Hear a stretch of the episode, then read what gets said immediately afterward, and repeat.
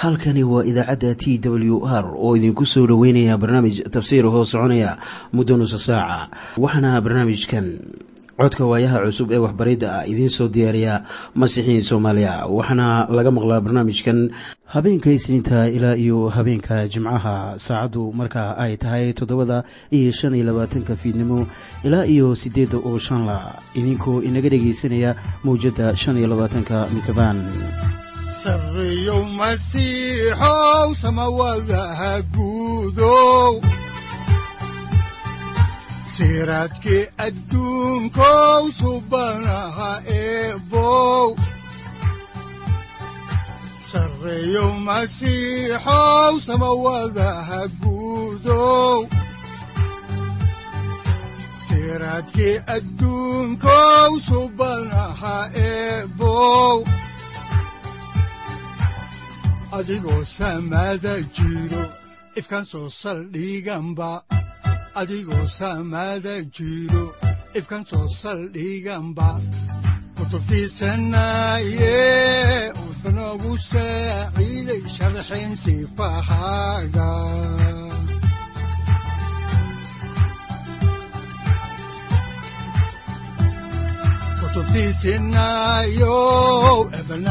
saaciid sharxin sifahaaga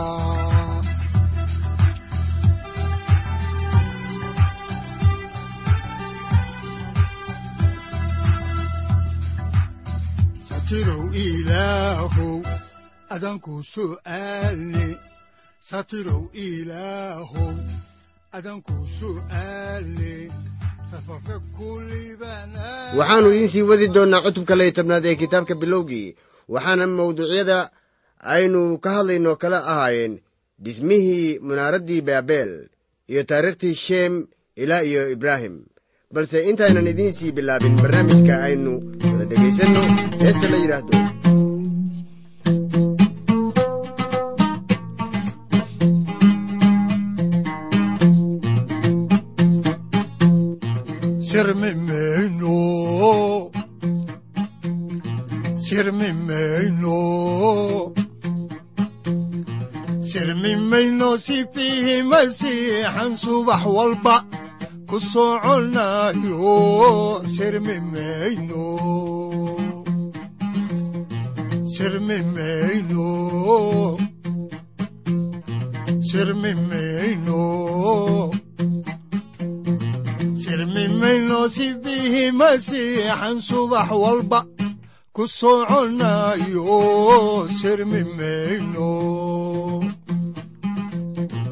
samatabaxno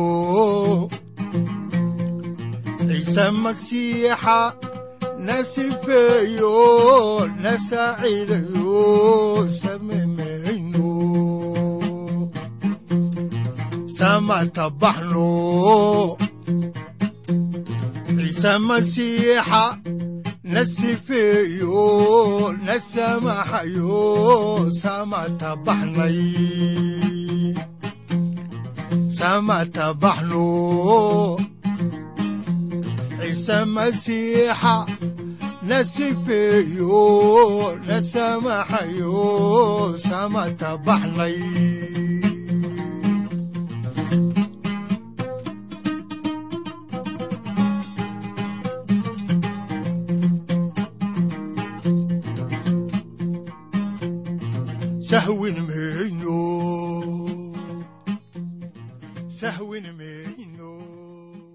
waxaynu markii ugu dambaysay dhexda uga jirnay faalladii ku saabsanayd xurguf soo dhex gashay ibraahim iyo luud iyagoo dhex jooga reer kancaan iyo reer feris. Sida aad la socotaan waxaa beryaha kan soo baxay doodo iyo iska hor imaad ka dhex taagan diimaha. Qaarkood waxaa loo nisbayn karaa xag dhaqaale qaarna xagga mabaadiida qaar kalena xagga shuruucda iyo nidaamka marka way muhiimad ballaaran tahay in kuwa masiixa raacsan ay ka fogaadaan isqabqabsiga caynkaas oo kale ah. Waxaan garanayaa inaan laga waynaynin goobo weliba ee wax lagu caabudo isqabsi iyo iska horimaadyo laakiin waa inaan manka ku haynaa hadalladii ciise masiix. Markuu lahaa sida ku qoran injiilka sida yooxanaa u qoray cutubkiisa saddexiyo tobnaad aayadda soddon iyo shanaad oo leh sidaasay dadka oo dhammi idinku garan doonaan inaad xertaydii tihiin. Haddaad jacayl isu qabtaan. Waxaa saaxiib jira dad badan oo aan maanta u imaanin masiixa. Waxaana taas ugu wacan xurgufta ka jirta kiniisadda tani waa umuur xiiso leh marka la leeyahay reer kancaan iyo reer fariis. Dhulkaasay degganaayeen waxaan kuu sheegayaa inay weli deggan yihiin dhulkaas waxaanay u dhow yihiin ama joogaan maanta halka aad ilaah ku caabuddo agagaarkeeda. Haddaan ku soo noqonno daraasaadkii kitaabkii bilowgii cutubkiisa saddexiyo tobnaad aayadda siddeed ilaa sagaal ayaa leh oo abraham wuxuu luud ku yidhi waxaan kaa baryayaa inaan diriru inaga dhex dhicin aniga iyo adiga iyo xoolo jiradayda iyo xoolo jiradaada maxaa yeelay waxaannu nahay walaalo. Dhulka oo dhammu soo kaama horreeyo waxaan kaa baryayaa inaad iga guurtid. Haddaad bidixda tagto midigtaan tegayaa.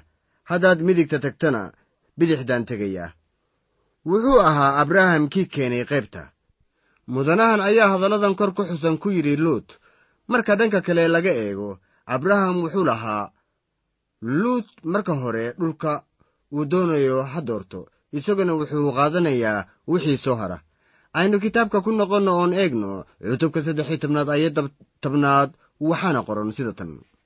Kolkaasuu luut indhihiisii kor u taagay oo wuxuu arkay bannaankii webi urdun oo dhan iyo inay meel weliba aad u waraabsan tahay.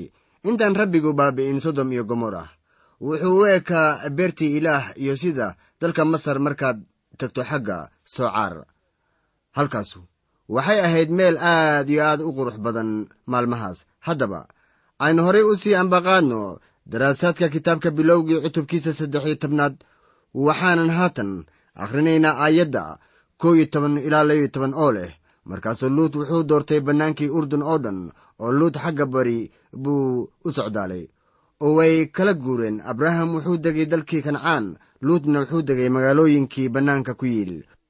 Oo tendhadiisii wuxuu u wareejiyey xagga sodom waxaase taasu ahayd khaladkii ugu weynaa ee uu noloshiisa oo dhan sameeyey. Balse luut taas ma uu ogayn sidaan ku arki doonno aayadda saddexiyo tobnaad ee cutubka saddexiyo tobnaad oo leh haddaba dadkii sodom shar miiran bay ahaayeen. Ilaahna aad iyo aad bay ugu dembaabeen dib baynu ka arki doonnaa waxa ku dhaca luut iyo xaaskiisii. Haatanse luut iyo qoyskiisii waxay u dhaadhaceen dhanka sodom haatan aynu eegno maaddada ah ilaah ibraahim buu u muuqday oo ballankiisii wuu ku sii adkeeyey.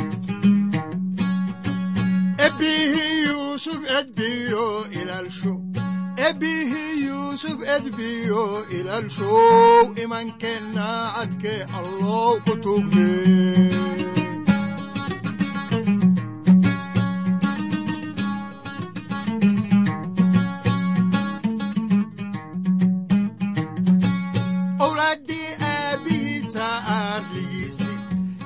eryo uun kalay ka iibsadeene imankeenna cadke allow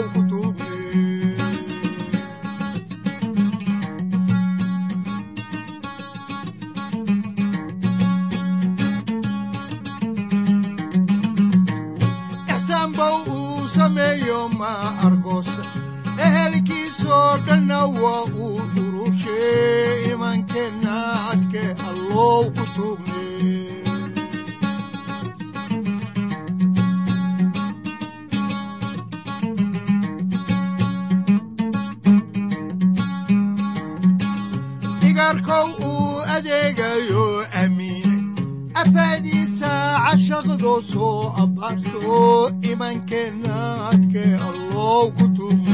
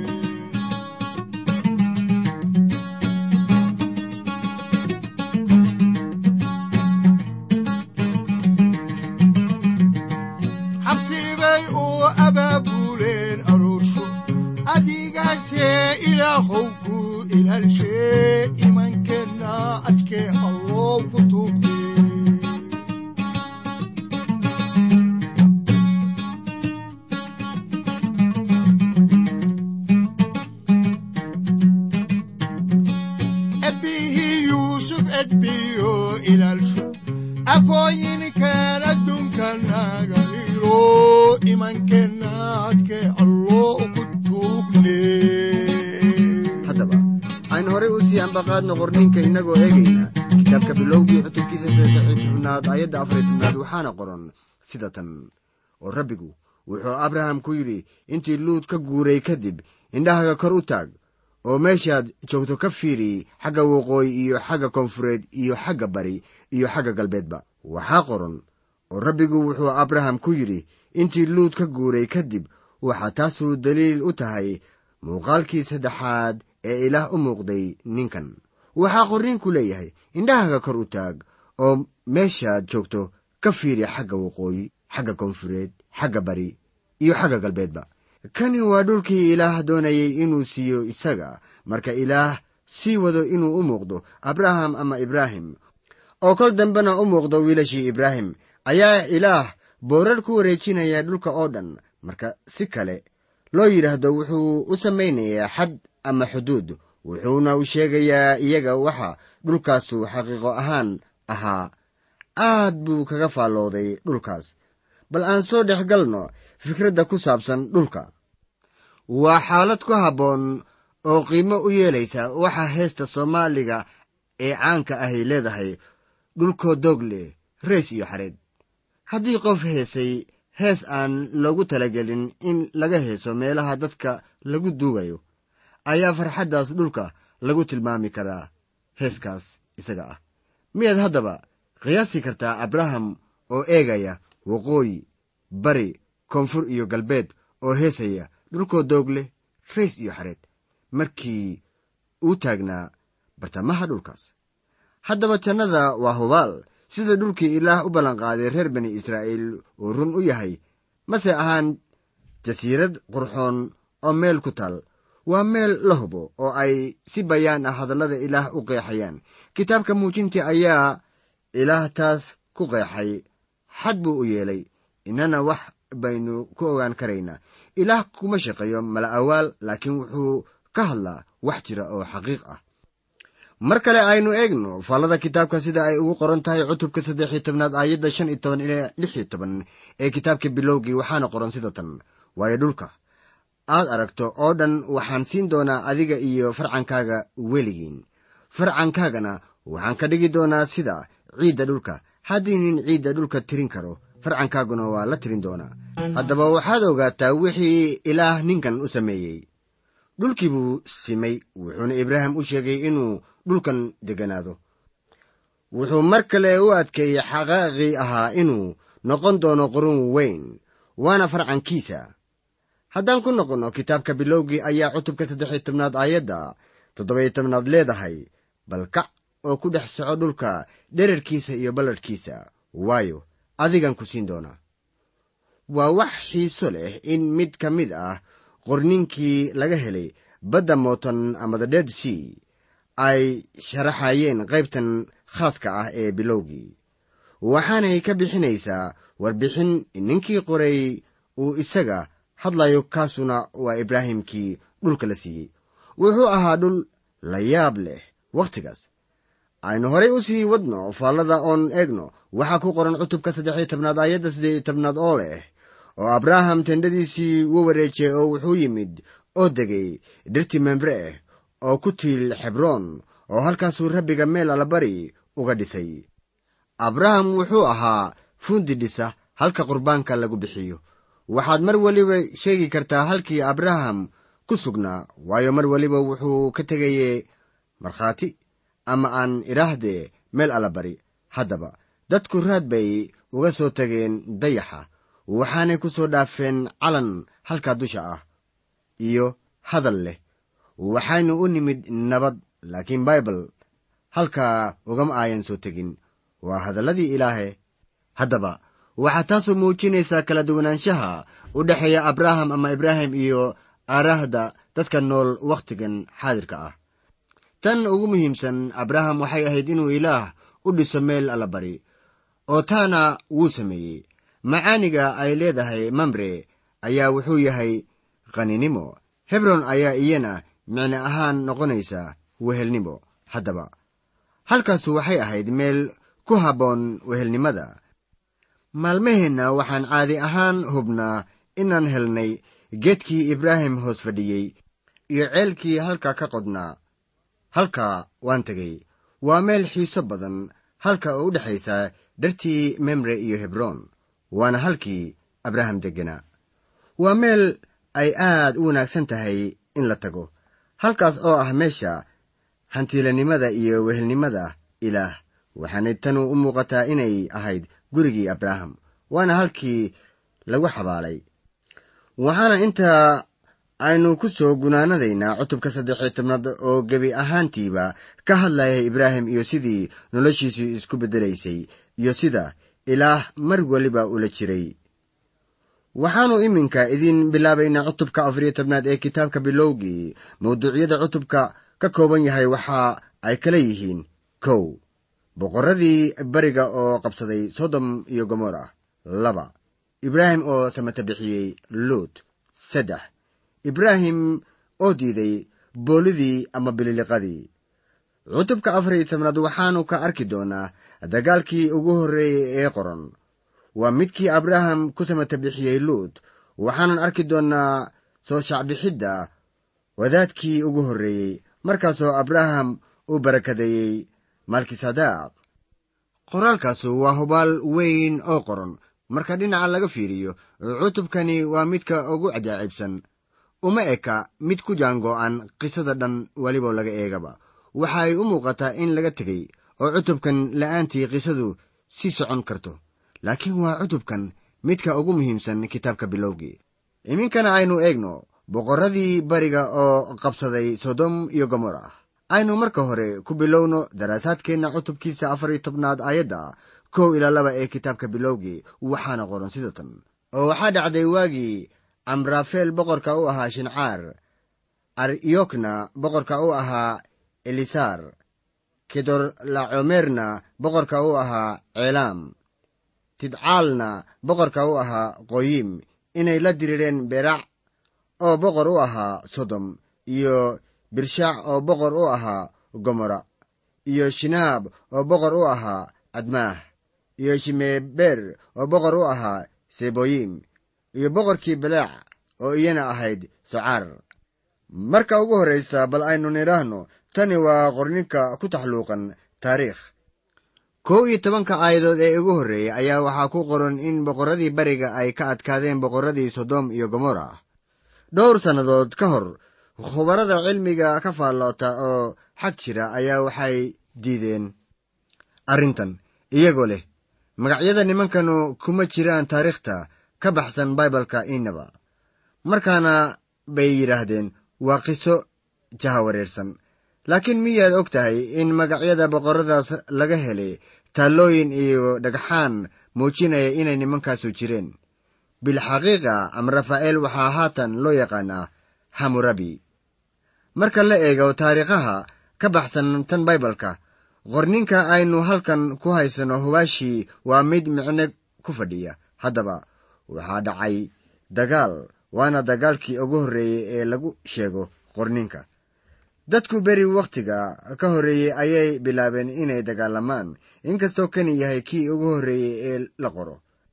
Ha yeeshee garan maayo inuu yahay dagaalkii koowaad ee ugu horreeyey ee dadku dagaalamaan. Una malayn maayo in qorahani tilmaam caynkaas ah bixinayo. Sababta loo qoray waxaa weeye in luut oo ahaa wiil uu adeer u ahaa ibraahim ama abraham uu dagaalka ku jiray. Haddaannu ku noqonno cutubka afariy tobnaad ee aayadihiisa saddex ilaa afar ayaa waxaa qoran. Kuwanu waxa ay kulligood isugu yimaadeen dooxo sidiim oo iyana ahayd baddii cusbada. Laba iyo toban sannadood bay kedorlaacomeer u adeegeen markaasay sannadii saddex iyo tobnaad ku caasiyoobeen.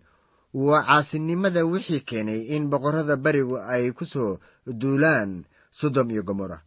Boqorradan hubaashii horey way u soo dagaalameen maxaa wacay? Boqorradii berigu waxay cunsuriyad ku haysteen casimadihii ku yiil dooxooyinka.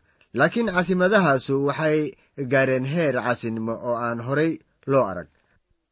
Aayadaha shan ilaa kow iyo toban ayaannu ka akhrinaynaa qisada ku saabsan sidii boqorradii barigu ay uga adkaadeen boqorradii iska soo uruursaday dacalka hoose ee badda muutan ama the dead sea. Aynu isla eegno haatan cutubka afar iyo tobnaad ayadda labiyo toban oo leh oo waxaa kaloo ay la tageen luud oo ahaa wiilkii abraham walaalkiis oo sodoom degganaa iyo alaabtiisii oo dhan wayna iska tegeen luud wuxuu ku noolaa sodom waxaana loo kaxaystay maxaabiis ahaan. Sababta dagaalkanu macnaha uu weyn ugu fadhiyo qorninkaas waxaa weeye isagoo muujinaya wixii ibraahim u sameeyey wiilkii uu adeerka u ahaa bal aynu horay u sii ambaqaadno cutubka afariyo tobnaad aayadda saddexiyo tobnaad oo iyana leh oo waxaa yimid mid soo baxsaday oo wuxuu u warramay abraham kii ahaa cibraaniga isagoo agdegan dhirtii memre kii ahaa reer amoor oo eshkool iyo caameer walaalkood ahaa. Kuwaasu abraham bay gaashaanbuur la ahaayeen. Markii boqorradii berigu ka tegeen aagga sodom iyo gomorrah iyagoo qaatay maxaabiis ayay waxay sii aadeen dhanka waqooyi iyagoo raacaya danta galbeed ee the dead sea taasoo aan ka fogayn hebron iyo membre. Halkaasoo abraham degganaa waxaad istaagi karaysaa halkii abraham taagnaa maalintaas oo waxaad arki kartaa adigoo qiyaasaya dhaqdhaqaaqii ka socday dacalka hoose ee badda muutan waxaa qoran kuwaasoo abraham bay gaashaanbuur la ahaayeen waxaad haddaba ogaataa in abraham lahaa rag hormo ah oo la joogay waxaanay ahayd inay maalinkaas wada jiraan iyadoo ay ugu wacan tahay weerarka ama see cadowga oo u soo dhowaanayay waxay ahayd in laysla wada dilo oo ay isku meel ku wada dhintaan ama libtu ku raacdo iyo in mid mid loo dilo. Innagoo weli halkii ka sii wadayna daraasaadka qorniinka ayaynu eegaynaa.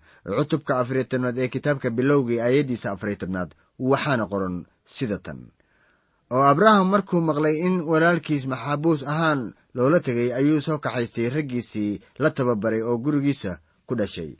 Iyagoo ah saddex boqol iyo siddeed iyo toban nin oo wuxuu raacdo ku jiray ilaadan tanu waa la yaab waxaanay muujinaysaa shay ka mid ah waxyaalihii uu lahaa abraham. Tani waxay xoogaa fikrad ah inaga siinaysaa tirada ragga abraham haystay gurigiisa inta joogay oo qalab dagaal siin karay waxay ahaayeen saddex boqol iyo siddeed iyo toban nin. Ilaa iyo meeqaa ayuu haystay kuwaas oo uusan hubayn karin. Tusaale ahaan waxaa kaloo jira naago iyo carruur iyo weliba duqay laakiin wuxuu hub dagaal u dhiibi karay saddex boqol iyo siddeed iyo toban garmadow ah. Markaana inuu lahaado intaas oo qof oo isaga addoommo u ahaa ayaa waxay tilmaamaysaa in abraham ku guda jiray baayac mushtariga kobcinta looda iyo idaha. Waxaa hataba qoran oo wuxuu raacdo ku jiray ilaa iyo daan. Aynu dib ugu noqonno kitaabka bilowgii oon eegno cutubkiisa afariyo tobnaad aayadda shan iyo tobnaad waxaana qoran sida tan. Oo habeennimo ayuu raggiisii u kala qaybiyey isaga iyo addoommadiisiiba oo waxay laayeen colkii oo ay raacdaysteen ilaa xoobaa ah oo dimashik xagga bidixda ka ah abraham wuxuu raacdaysanayay nimankii ilaa iyo dhanka waqooyi ee dimashik taasna waa masaafo dheer sida abbaarta ah.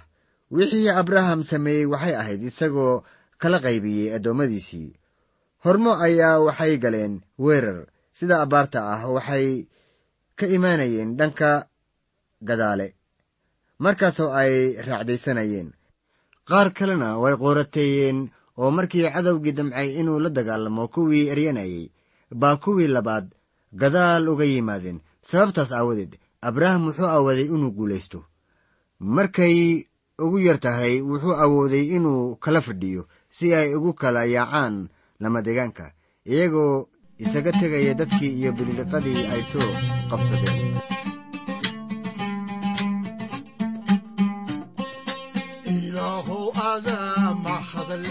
ilaahow adaa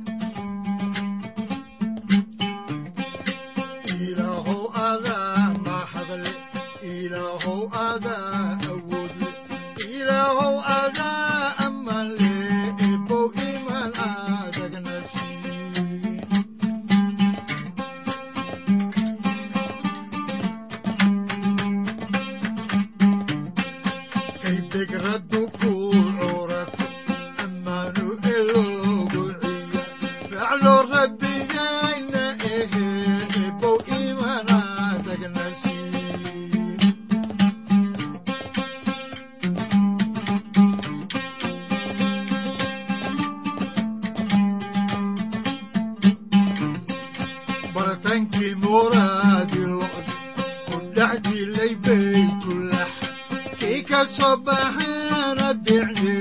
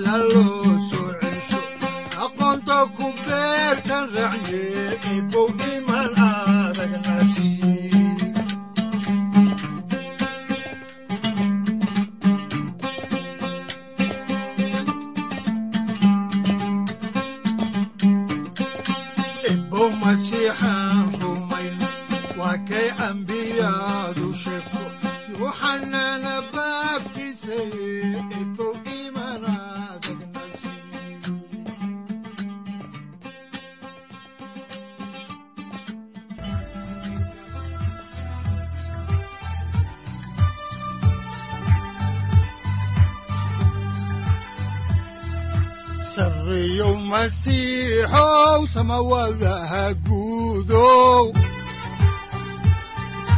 siraadkii adduunkow subanaha eebow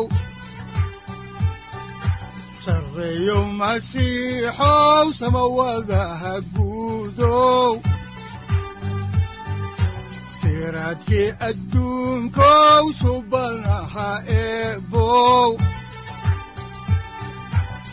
adigoo samada jiro ifkan soo saldhiganba adigoo samada jiro ifkan soo saldhiganba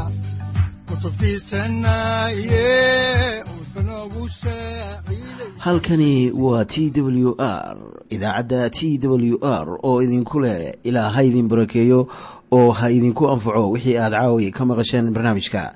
Waxaa barnaamijkan oo kalea aad ka maqli doontaan habeen dambe. Hadahan oo kale haddiise aad doonaysaan in aad fikirkiina ka dhiibataan wixii aad caawi maqasheen ayaad nagala soo xiriiri kartaan som t w r at t w r c o k e waxaad kaloo iimailada inoogu soo diri kartaan dhegaystayaal cinwaanka yahu-ga oo ah somali t w r at yahu com aaduu u fududyahayaa somali t w r at yahu com. Waxaa kaloo aan idin siin doonaa website. Aad ka maqashaan barnaamijyada soomaaliga ah si kuwiina doonaya in ay koorasyo ka qaataan bibalka ay ugu suurowdo ama ugu hirgasho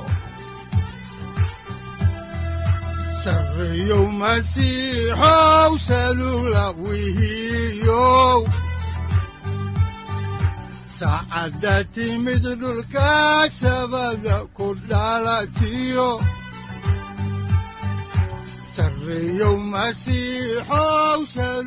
halkani waa t w r oo idiin rajaynaya habeen baraare iyo barwaaqaba leh inta aynu ka gaari doono wakhti aynu ku kulanno barnaamij la mida kan caawayay aad maqasheen. Waxa aan idinku leeyahay nabadda ciise masiix ha idinku badato xagga jirka iyo ruuxaba. Aamiin